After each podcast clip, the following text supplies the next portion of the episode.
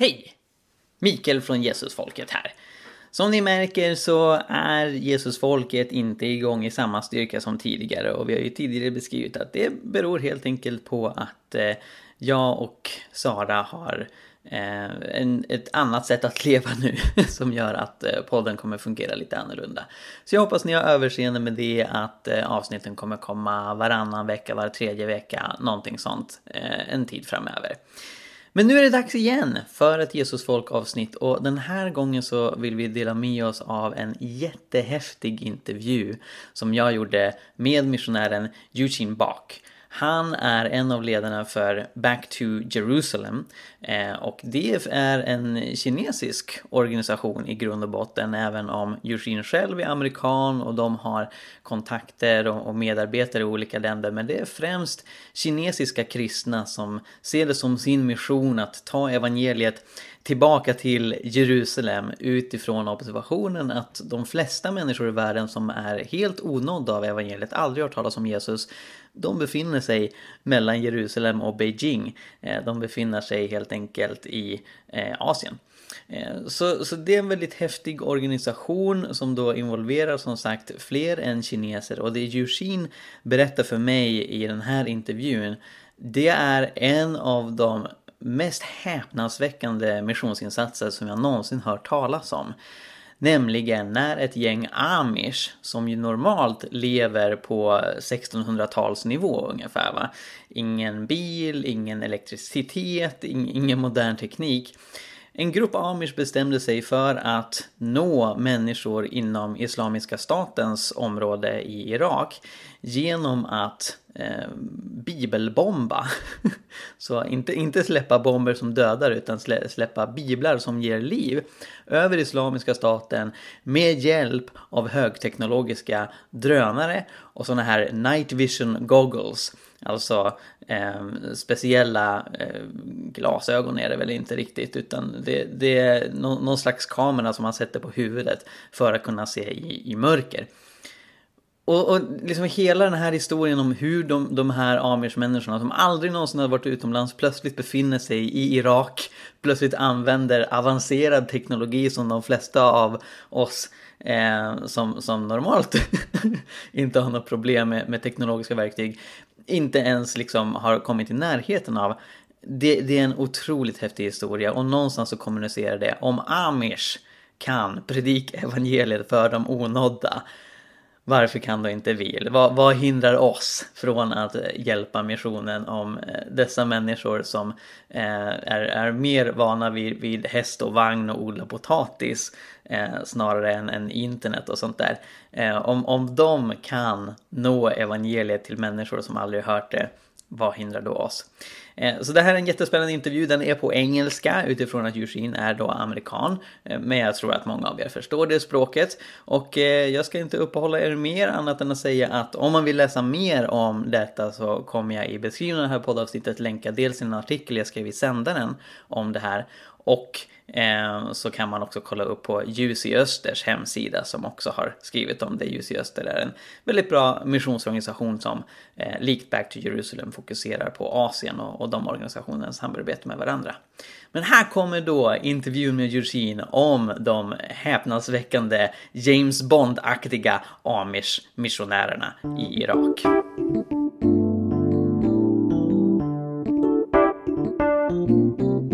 So, Eugene, welcome to the podcast. Can you tell us a little bit about yourself? Yeah, thank you so much for for inviting me on. I I really enjoy sharing stories from the mission field, especially those that the that the Chinese are involved in. And uh, I just I thank you guys for the opportunity to be here and share with you guys on this podcast. Yeah, thank you. We're glad that you're here. Thank you. I, my name is Eugene Bach. I've been working together with Back to Jerusalem for a little over 20 years. Uh, I live in China and serve the underground house church in China.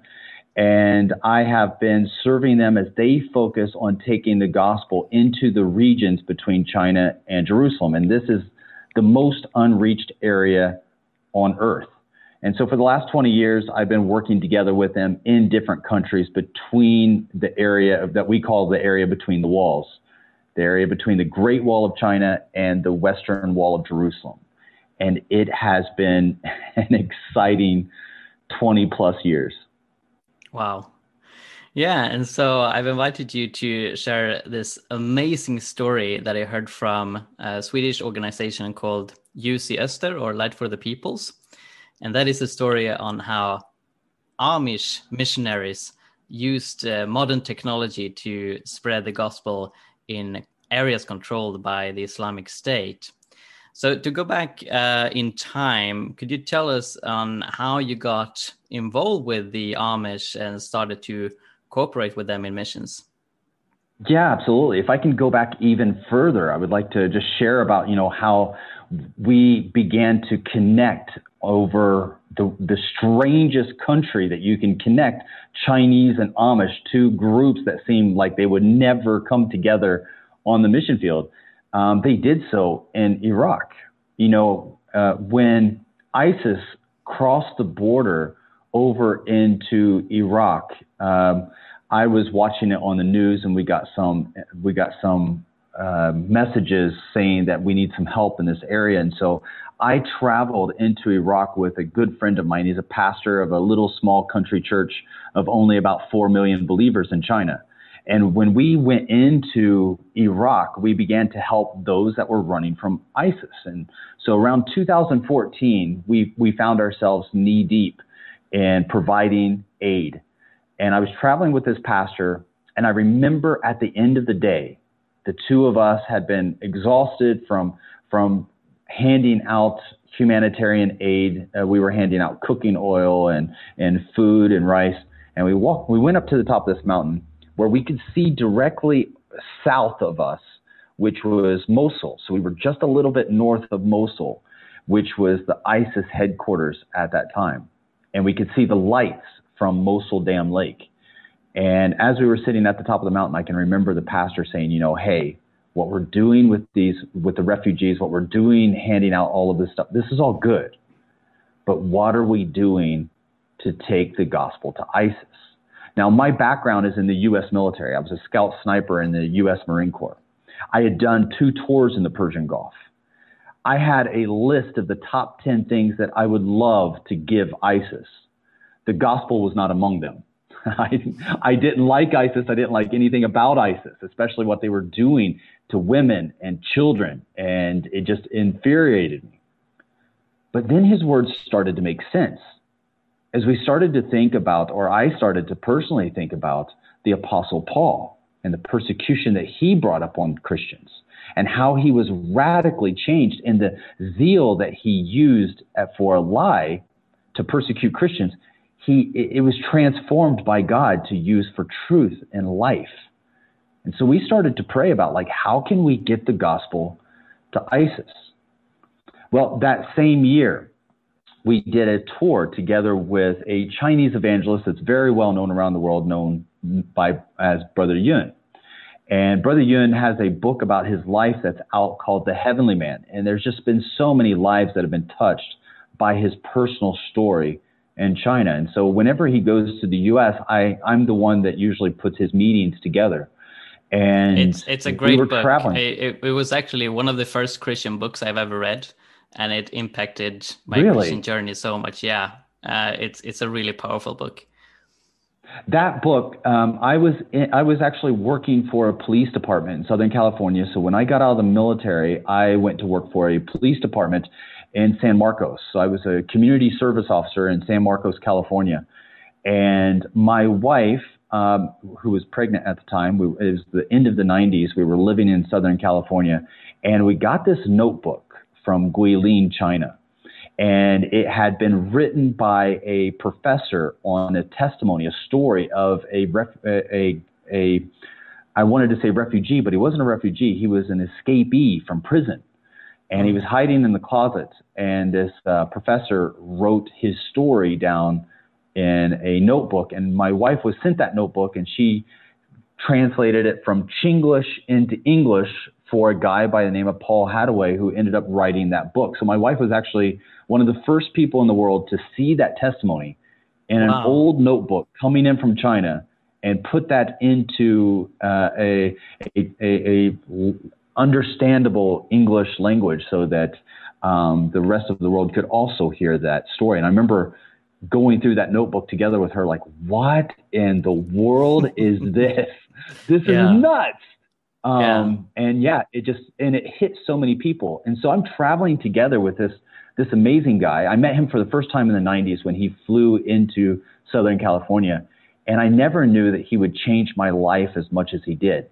And so I'm traveling with him in uh, western and in the middle part of Pennsylvania. Now, for people that are not familiar with um, the the Amish people. There's what we call the Amish Belt. It goes from the state of Pennsylvania in America through Ohio over to Indiana. I grew up um, in that Amish Belt in Indiana, so I'm familiar at least a little bit with what we call the Anabaptists, which are the Mennonites and the Amish. And the Amish are a very special group of people.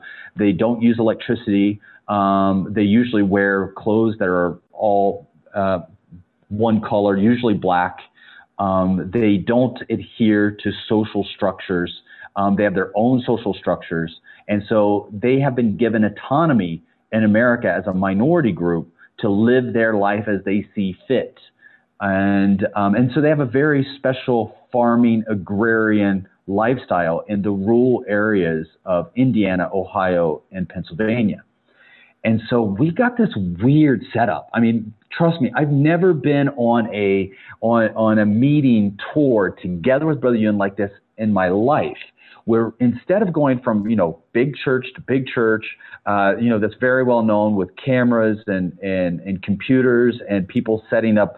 Uh, the the slideshow for you know what people are going to be singing and everything is you know basically we're living in 2021 right in the 21st century but you go to the Amish churches, which is where we started to go, and Brother Yun was sharing, and it felt weird. Like, what are we doing?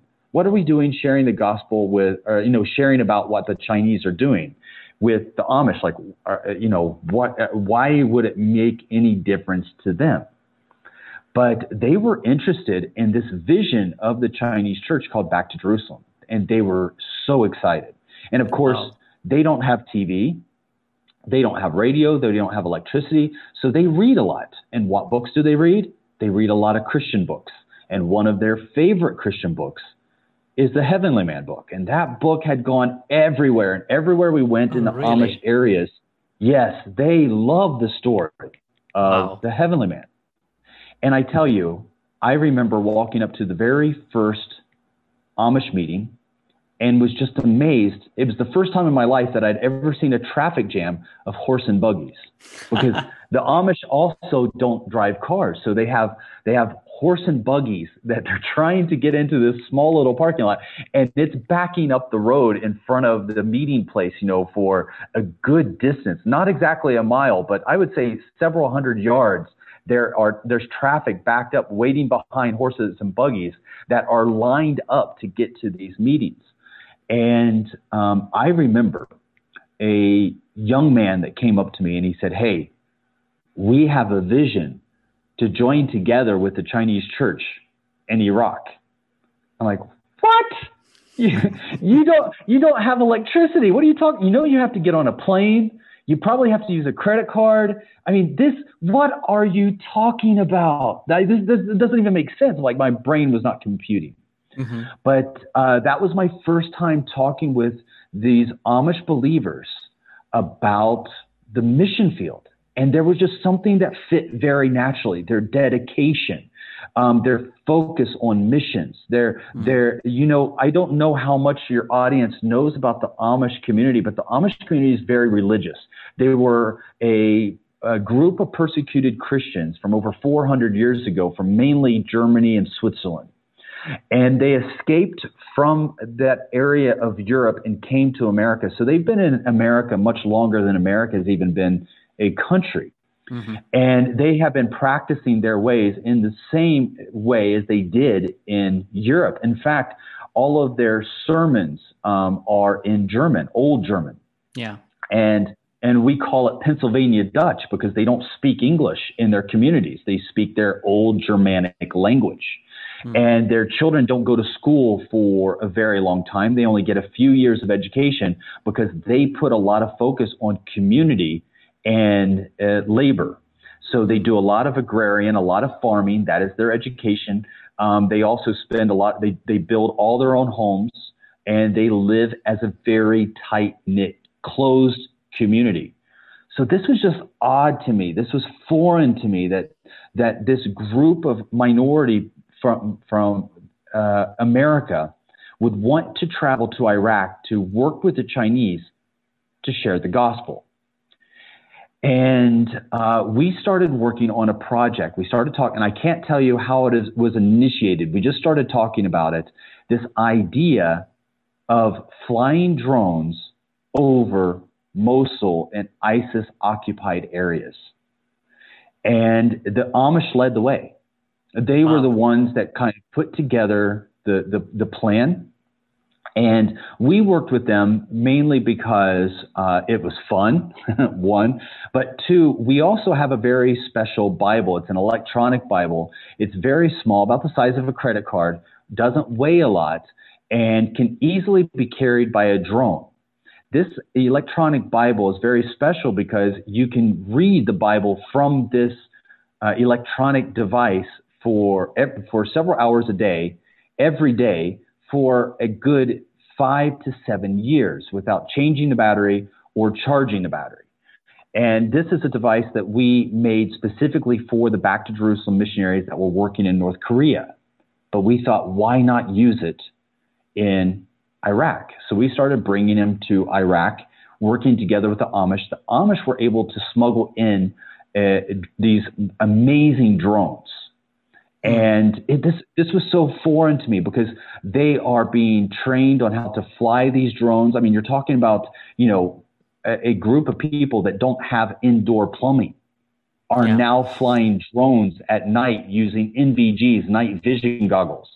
Mm-hmm. And as I saw them, they, they, they started to live in the same community where we were working together with our Chinese. It's a little small village um, in Iraq. I, I'm not going to say the name, but the, the name of the village where the Chinese and the Amish were working together and serving those that had escaped from ISIS. I started to look around and I thought to myself, dude, these guys fit right in.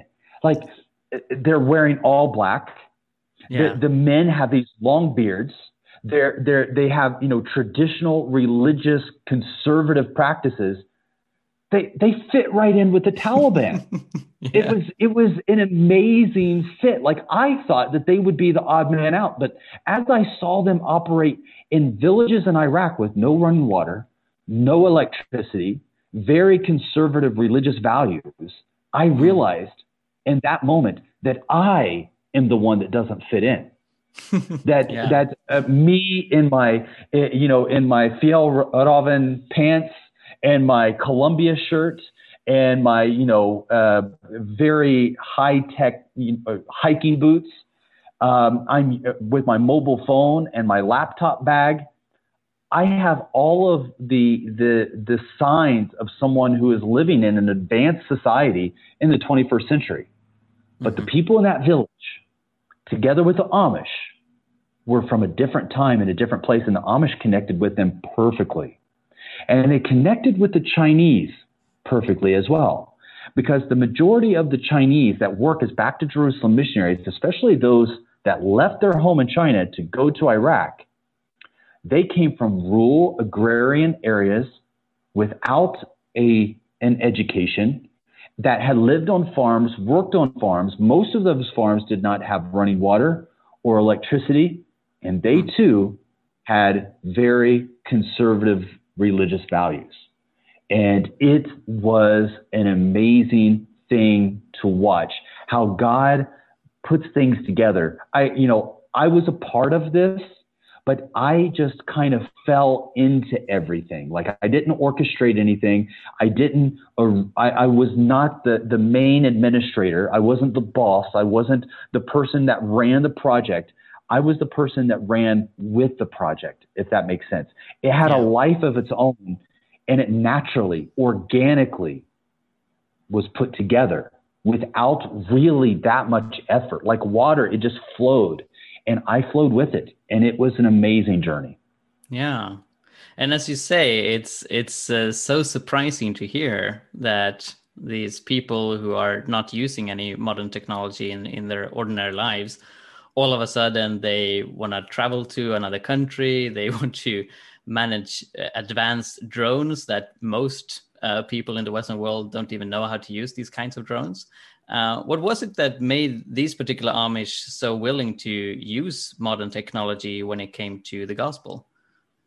That is a good question. I think if a lot of people, uh, if anybody is listening to this podcast that are familiar with Amish communities, what you will quickly learn is that Amish communities splinter off from one another quite easily. Um, there is a, there is a tendency in the communities where there's disagreements, and so neighbors will start their own church, and um, uh, there that happens quite often. There is a special group that is growing in the Amish community. Individuals that we are working with that have had a special connection that they believe uh, from the Holy Spirit. They believe that God has supernaturally touched them with His Holy Spirit, and they have been given gifts of the Spirit that the Amish community in general does do not agree with.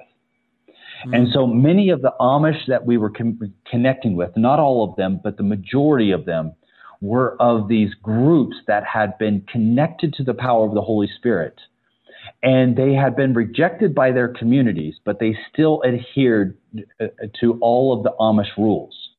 The, the only difference between them and the Amish groups that they had uh, splintered off from was that they felt that they had been given the gifts of the Spirit.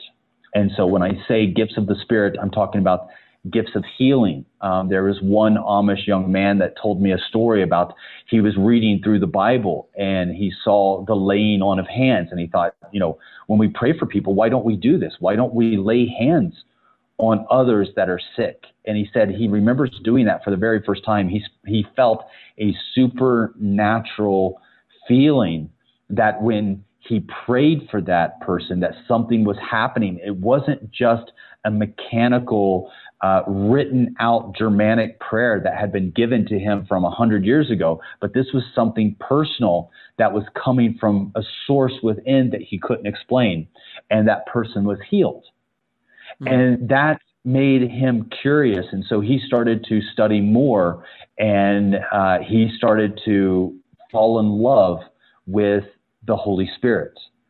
And in his journey and understanding more about who God is and the Holy Spirit is, uh, he found himself at odds with some of the teachings uh, in his community. And I heard that story repeated over and over. Um, some spoke in tongues, some uh, prophesied, as some uh, were able to have what they believed were gifts of wisdom and knowledge and discernment. And also those like the young man that I talked about earlier that felt that God had given him a special gift of healing. And these gifts of the Holy Spirit uh, were something that they now treasure. And that compelled them to want to complete the Great Commission. And that is with all of the communities, even those that are of the traditional sort that did not necessarily embrace those that had this new uh, enlightenment about the Holy Spirit. Those that were traditional also embraced the idea of completing the Great Commission. And they have seen that the area of the world that has the least number of, of uh, evangel- evangelicals, the highest concentration of groups of people that have never heard the gospel um, are in that area between China and Jerusalem. So yeah. they too have a vision to complete the Great Commission. Oh, it's it's so amazing, and to me, it it really displays uh, so much supernatural courage that these people have. Uh, I mean, they have rarely used any modern technology. I assume most of them have rarely been outside of even uh, you know their their home state, let alone the U.S. and all of a sudden they go to the other side of the world and they put on these night vision goggles they control these advanced drones to share the gospel with people who uh, are either oppressed by a, a really solid uh, anti-christian group or of course people who belong to isis themselves and so uh, how many bibles do you know that uh, did they manage to get through the islamic state using these drones I do not know the exact number. I, I do know that we provided uh, several hundred of the units, and from from what I understand, all of those, I know that all of them were distributed, but I don't know how many of them were flown in. Mm-hmm. So one of the challenges that we had was as we flew these Bibles into ISIS territories, and we have, you know, video footage. What was great is on these drones, we were able to record the flights. And so we were able to get video footage of the exact moment when the Bibles were dropped on ISIS territory. Wow. And uh, the challenge that we had was that because of the payload, because of the, the, the number of Bibles that we could carry with the drone was so low, it made it very difficult to do anything substantial because I mean you could only do like one flight per night. And then of course we lost the ability to fly over ISIS territory when the United States military came into the area. The, the interesting thing is, is that we got permission to fly the drones from the Iraqi uh, airspace controller, but not from the Americans. So the Americans were the ones that actually stopped the operation. Hmm and um, the the the units that we were able to drop on ISIS, um, we could only fit max three at a time.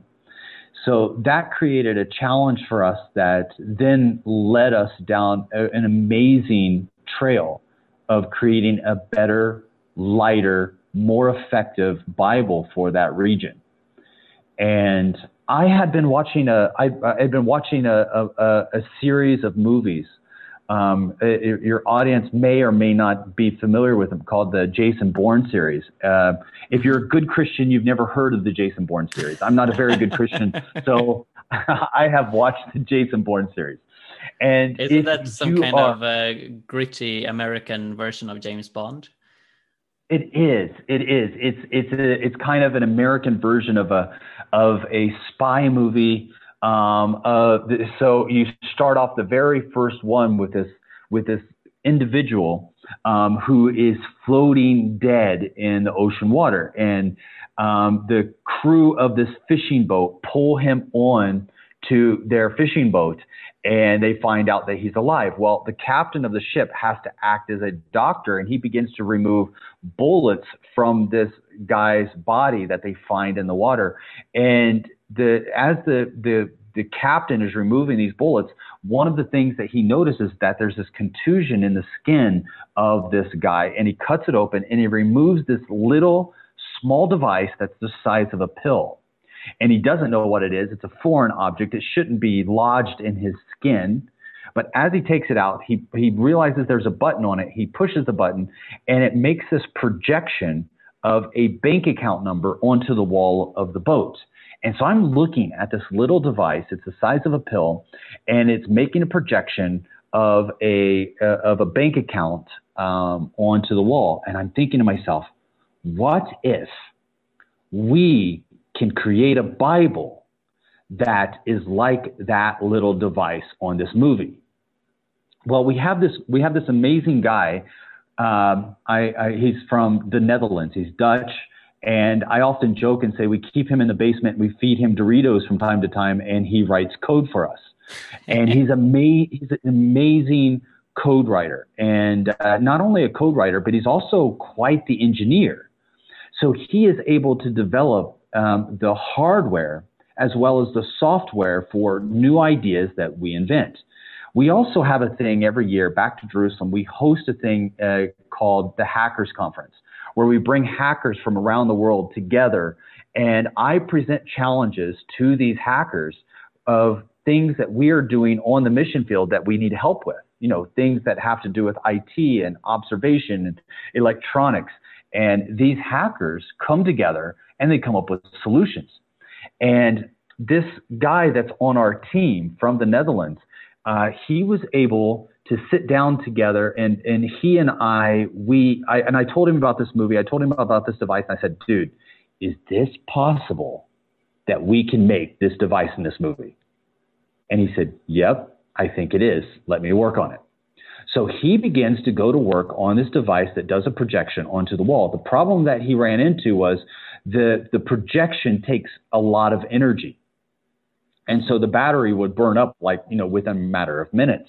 So we were not able to find any sustainable way to um, to do that project- projection because what we thought was instead of a bank account number like in the movie, it would be one verse of the Bible, and then as you held the button, the verse would scroll. So you'd go from one verse and then you would scroll throughout the entire chapter and then the entire book. And we thought, let's do the book of John.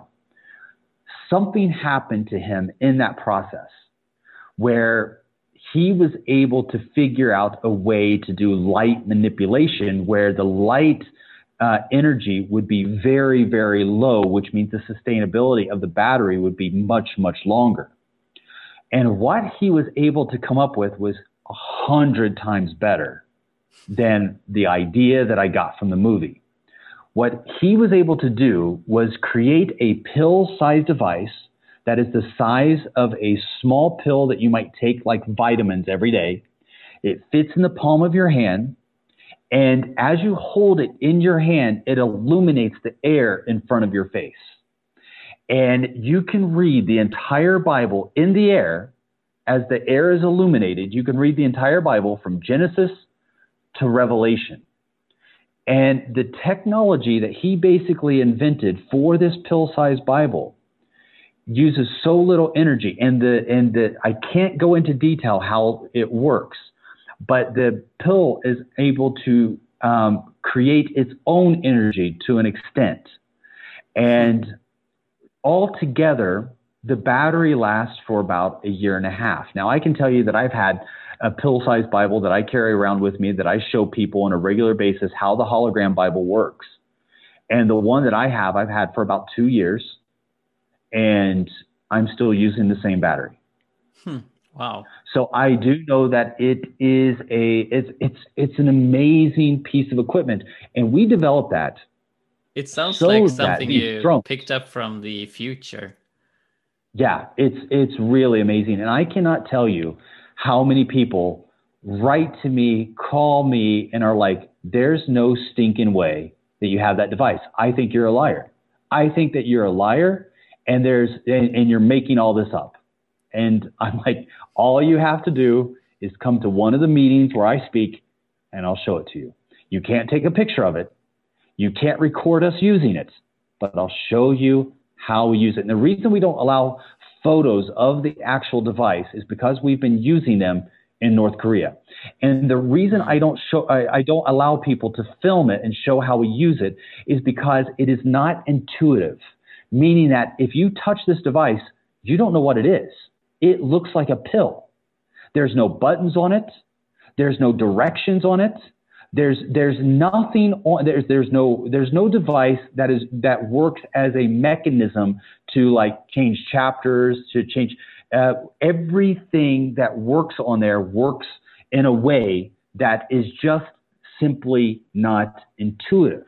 And so that is one of the security features of the device that as long as we can keep that a secret, uh, we can use that longer because if somebody finds that in China where we use it, we use it in the, if I don't know if you've heard of the Uyghur camps where Muslims have been put into concentration yeah. camps yeah. and labor camps in Western China. We've been using those there as well as in North Korea.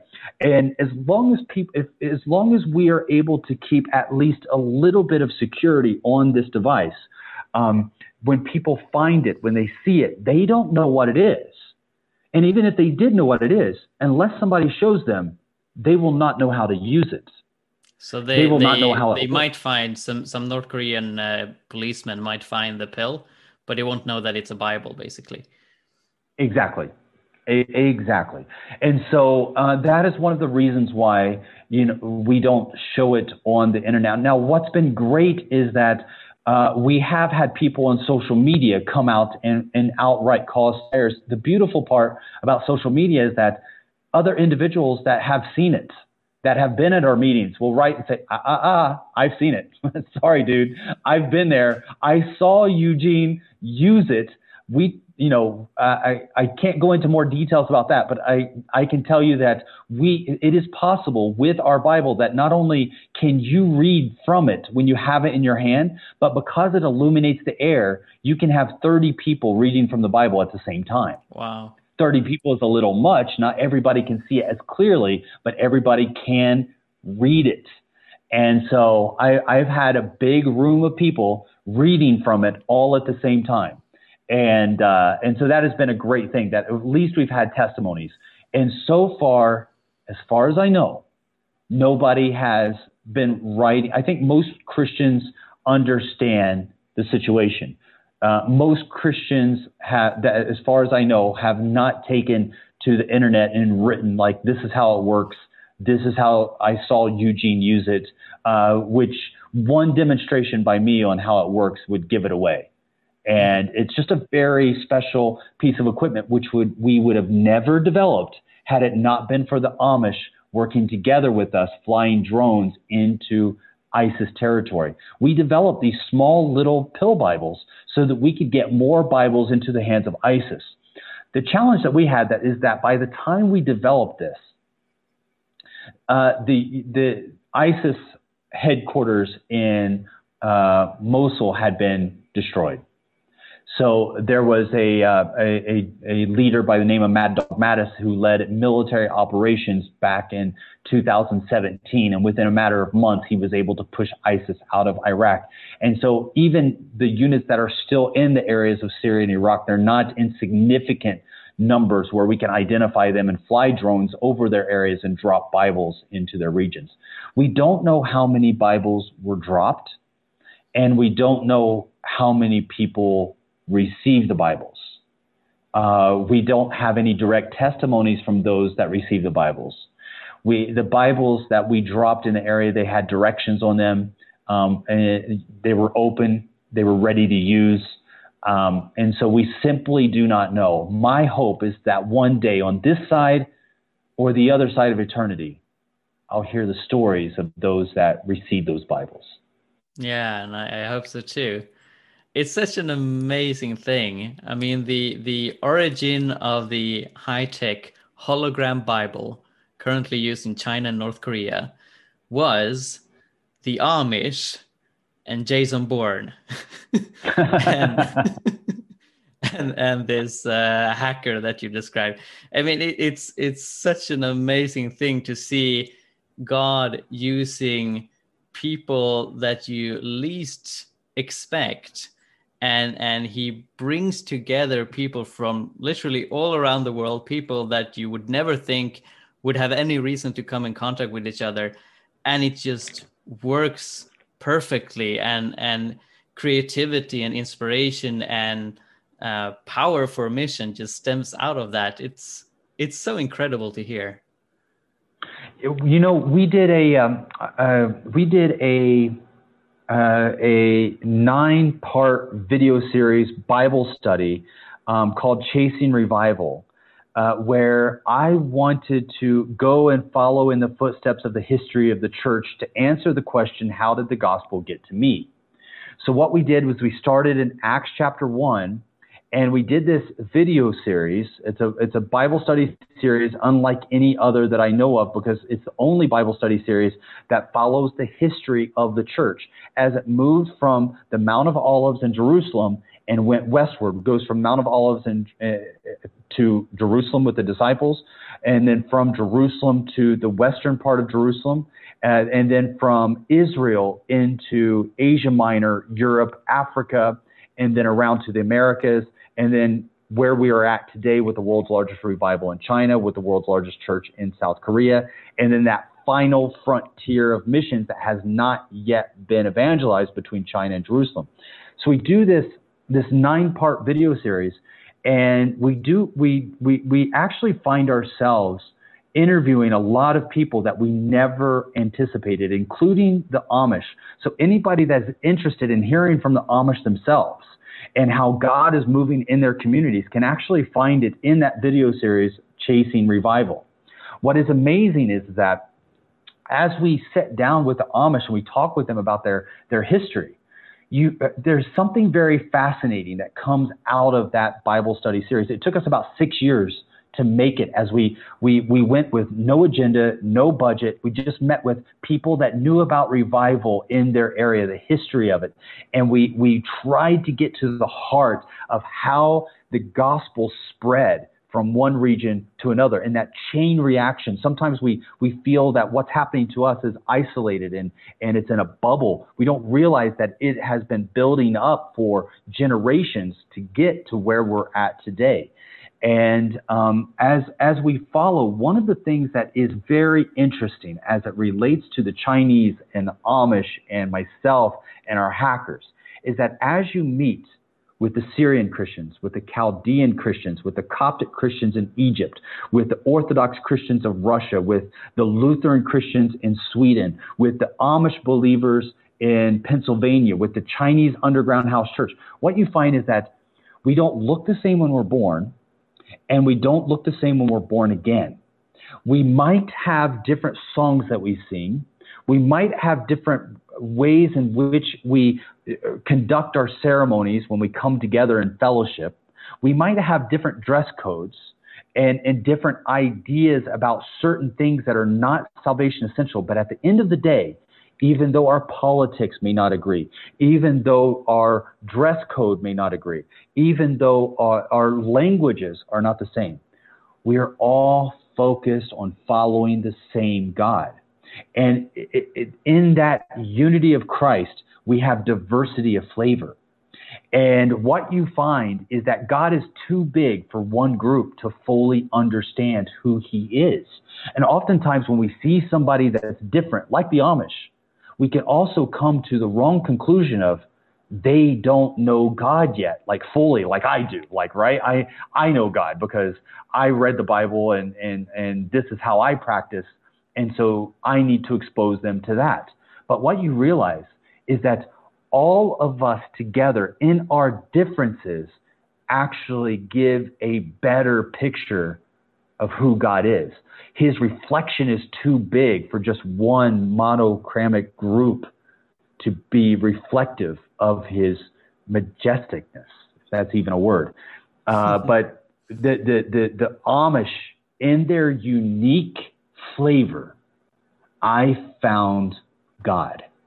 It, that, not that I, you know, uh, I didn't know him before, but I, I, I discovered him in a new way and his Holy Spirit was present among them, if that makes sense.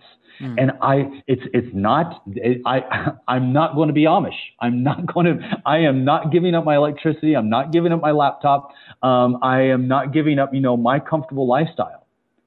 But I appreciate the vision of God that I learned by sitting or being in their footsteps for a little bit, by seeing God through their eyes for a moment and that glimpse, that beauty brought about a different perspective that I believe you really get when you are working with Chinese, with Amish, with, you know, Dutch hackers.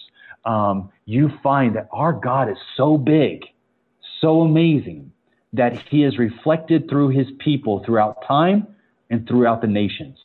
And that diversity is unified in him, but our differences highlight the beauty of who God is if that makes sense. Amen. Now, Eugene, if uh, people feel like uh, they really want to support mission to the unreached and what you're doing at Back to Jerusalem, uh, how can they find out more and, and how can they support you? It's very easy. Uh, you simply go to www.backtojerusalem.com, spelled out exactly as it sounds, back to Jerusalem.com, no spaces, no periods. And that will take you to, and even if you just do a Google search, we're probably going to be the first thing to come up if you put in back to Jerusalem.com. If you really can't find us, go to Wikipedia and they'll have a link to our website. Uh, and that has all of the information about the projects that we're doing, uh, the uh, focus that we have, and any way to support us. Wonderful. Thank you so much, Eugene, and God bless you. Yeah, thank you so much for this opportunity. I really appreciate it. It's been a pleasure.